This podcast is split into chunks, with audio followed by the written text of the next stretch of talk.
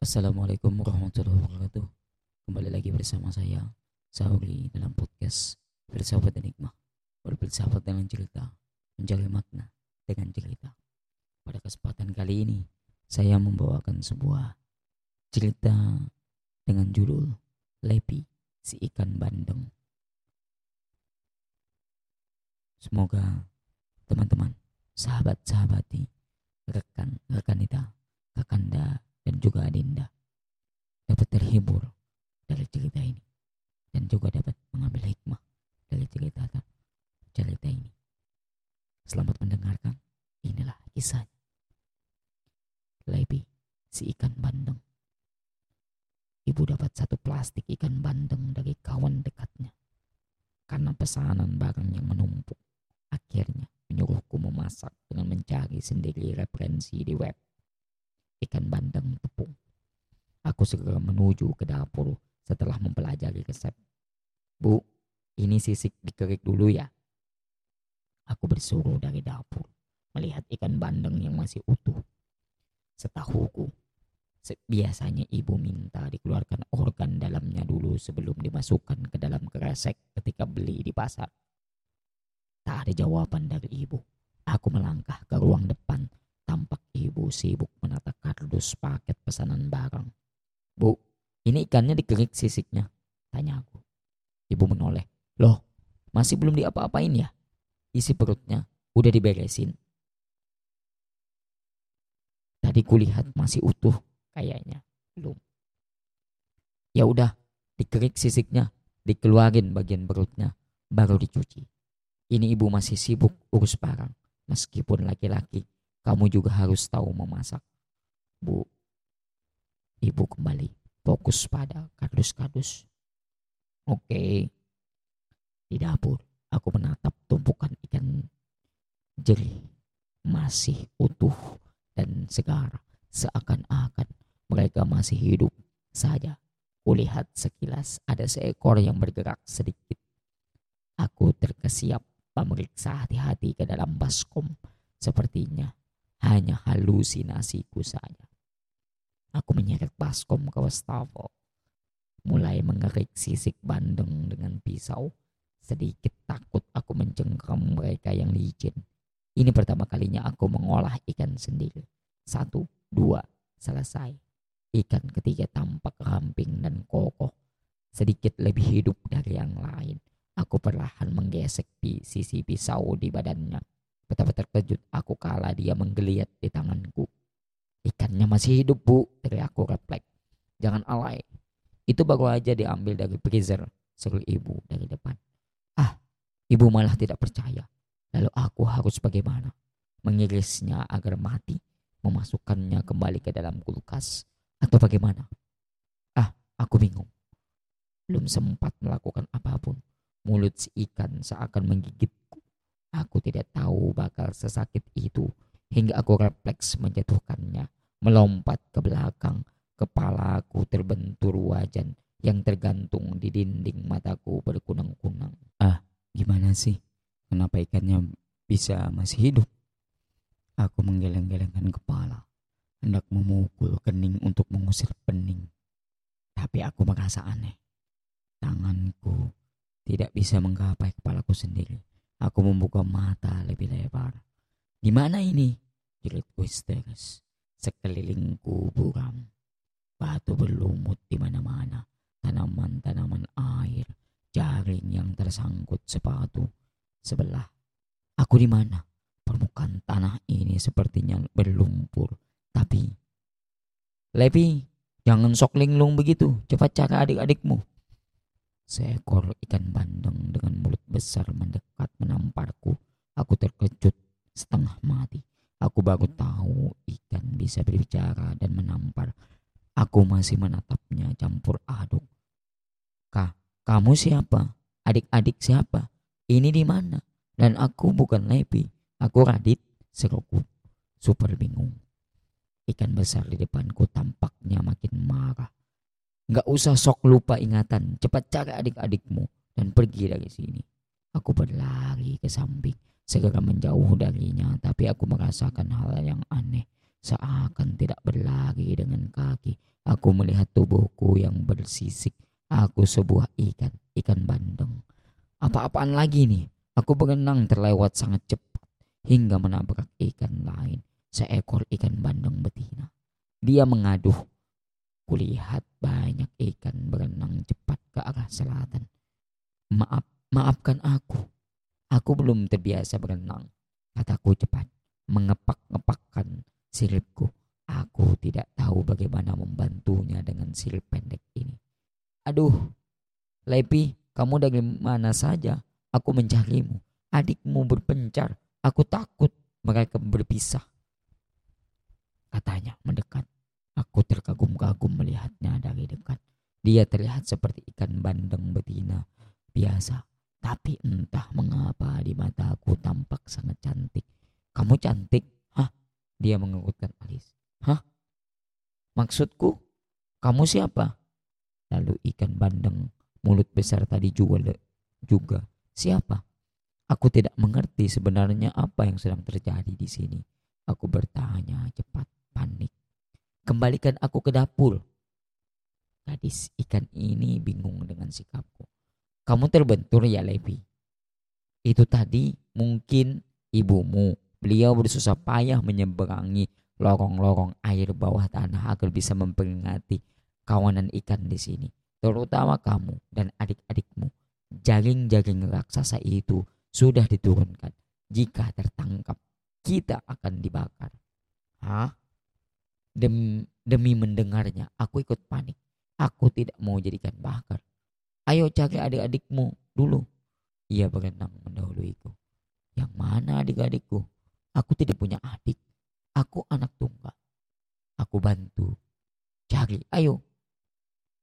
Aku mengikutinya berenang di antara kawanan ikan yang panik berenang tak tentu arah mengelilingi kolam ini.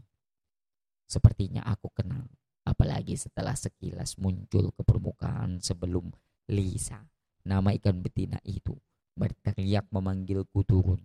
Kolang, pemancingan dan tambang, tambak bandeng dekat rumah. Aku yakin di arah utara dan timur jaring-jaring dilebarkan. Kulihat banyak ikan terjerat. Aku makin panik. Kuperhatikan sekitar. Ada bandeng dewasa, remaja, anak-anak dan lansia. Sebenarnya jika dilihat sepintas lalu tampak hampir sama. Tapi entah mengapa di mata aku terlihat seperti itu.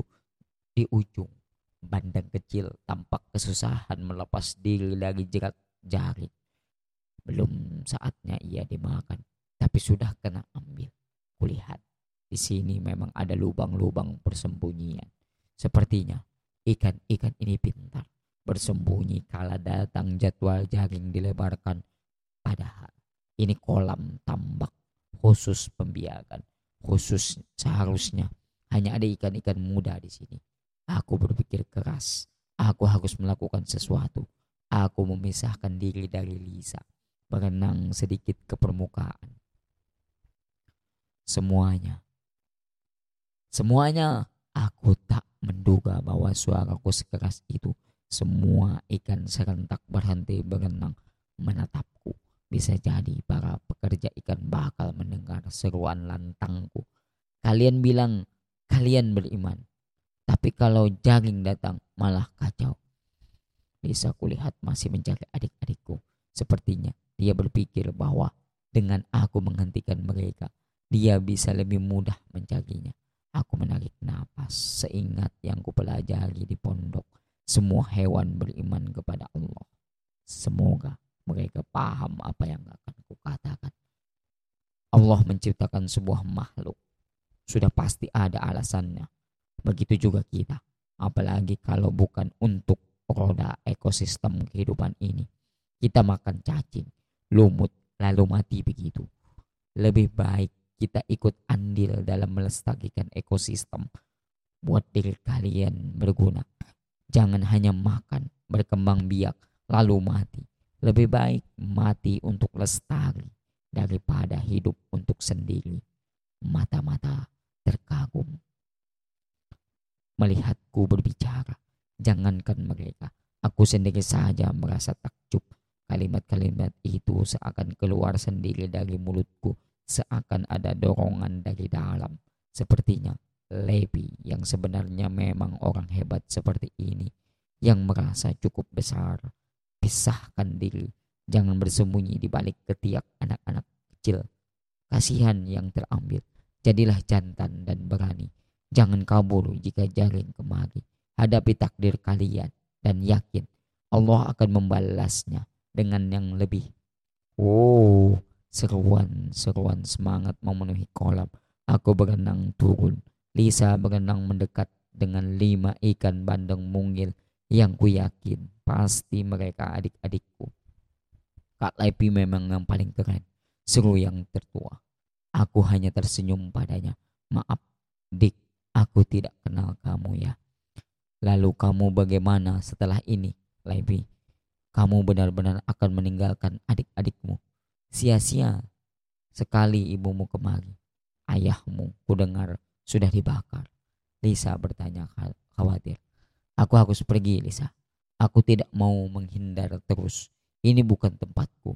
Kasihan anak-anak kecil yang terambil karena yang besar bersembunyi. Jaga adik-adikku ya. Aku balik badan, berenang ke kawanan bandeng besar. Seruan Lisa tidak kuhiraukan. Entah mengapa di sudut hatiku merasa sangat pedih. Tapi aku tidak boleh lemah. Aku harus membuat diriku berguna bagi kehidupan ini. Jaring datang. Bandeng-bandeng dewasa menyerbu ke depan. Beberapa bandeng betina segera mengarahkan anak-anak bandeng ke tepi. Mata-mata bersedih. Isak demi isak terdengar. Aku baru tahu ternyata ikan juga bisa menangis. Aku menatap Lisa dan kelima bandeng kecil tak ku kenal yang dia bilang adik-adikku. Seumur-umur aku tidak pernah membayangkan akan punya adik karena rahim ibu lemah dan akan berisiko jika harus melahirkan lagi. Pertama kali ku rasakan punya adik. Kali itu juga aku harus pergi. Bahkan aku belum sempat bertanya namanya satu persatu. Sedih sekali. Lisa kulihat menangis. Tak disangka ternyata terlalu banyak bandeng yang masuk ke dalam jaring. Saking beratnya, tali jaring itu putus dan kembali jatuh ke air setelah sempat naik ke permukaan. Aku merasakan sesaknya, tidak bisa bernapas padahal di sekitarku banyak sekali udara mengap-mengap kulu ku melompat sampai tubuhku kembali jatuh ke air. Wow, kami bebas. Tapi baru sebentar kami berbahagia. Jaring-jaring baru muncul. Kecil namun sangat banyak dan kuat tak mudah putus. Sepertinya semua pekerja ikan turun tangan karena melihat kuantitas bandeng dewasa yang banyak tadi. Kekacauan kembali terjadi. Tangan-tangan besar menjatuhkan jaring ke seluruh penjuru. Aku sigap membantu anak-anak bandeng bersembunyi ke lubang-lubang, membantu melepaskan diri dari jaring jika tertangkap. Mimi berenang lebih cepat. Lisa bersuruh pada adik bungsuku yang berenang menjauh dari jaring yang cepat diangkat. Aku melesat ke sisinya. Ayo Mimi, kau pasti bisa. Siripku belum sekuat Kak Lebi. Cicitnya takut. Aduh, Suaranya lucu sekali. Aku membatin gemas dalam hati. Namanya Mimia. Bagaimana aku bisa membantunya? Masa aku tendang dengan ekorku? Jaging ini sudah hampir terangkat ke permukaan. Segera aku banting ekorku ke samping membuat Mimi terpental melewati tepi jaring. Kalepi, dia berseru. Aku tersenyum padanya dan Lisa di sebelahnya sebelum udara menyesakkan dadaku lagi. Yang kulihat terakhir kali hanya kami yang tertangkap dimasukkan ke dalam box styrofoam yang gelap dan dingin. Aku tersenyum menatap layar laptop. Pengalaman itu mengajarkanku bahwa kita seharusnya membuat diri kita berguna. Setidaknya mulai dari hal-hal yang kecil walaupun sedikit aneh. Tapi ada hikmah yang akan yang bisa kuambil. Setidaknya aku tidak rebahan sepanjang hari kalimat lebi si ikan yang keluar lewat mulutku. Kala itu terngiang-ngiang di kepalaku tiap kali aku ingin bermalas-malas ria. Itu yang ingin ku sampaikan padaku. Ya, Levi, Aku menatap seekor bandeng ke dalam akuarium. Entah mengapa, di mataku dia tampak menjawab ya dengan penuh semangat. Radit, bandeng yang gosong. Aku terbelalak. Melompat menuju dapur. Aku lupa. Demikian tadi kisah dari Lepi si ikan bandeng. Semoga teman-teman, sahabat-sahabat di rekan-rekan kita, Kakanda dan juga Adinda dapat terhibur dari cerita tersebut. Kembali lagi nanti di podcast selanjutnya. Semoga kita dapat bersilaturahmi Wabillahi taufiq wal hidayah. Wassalamualaikum warahmatullahi wabarakatuh.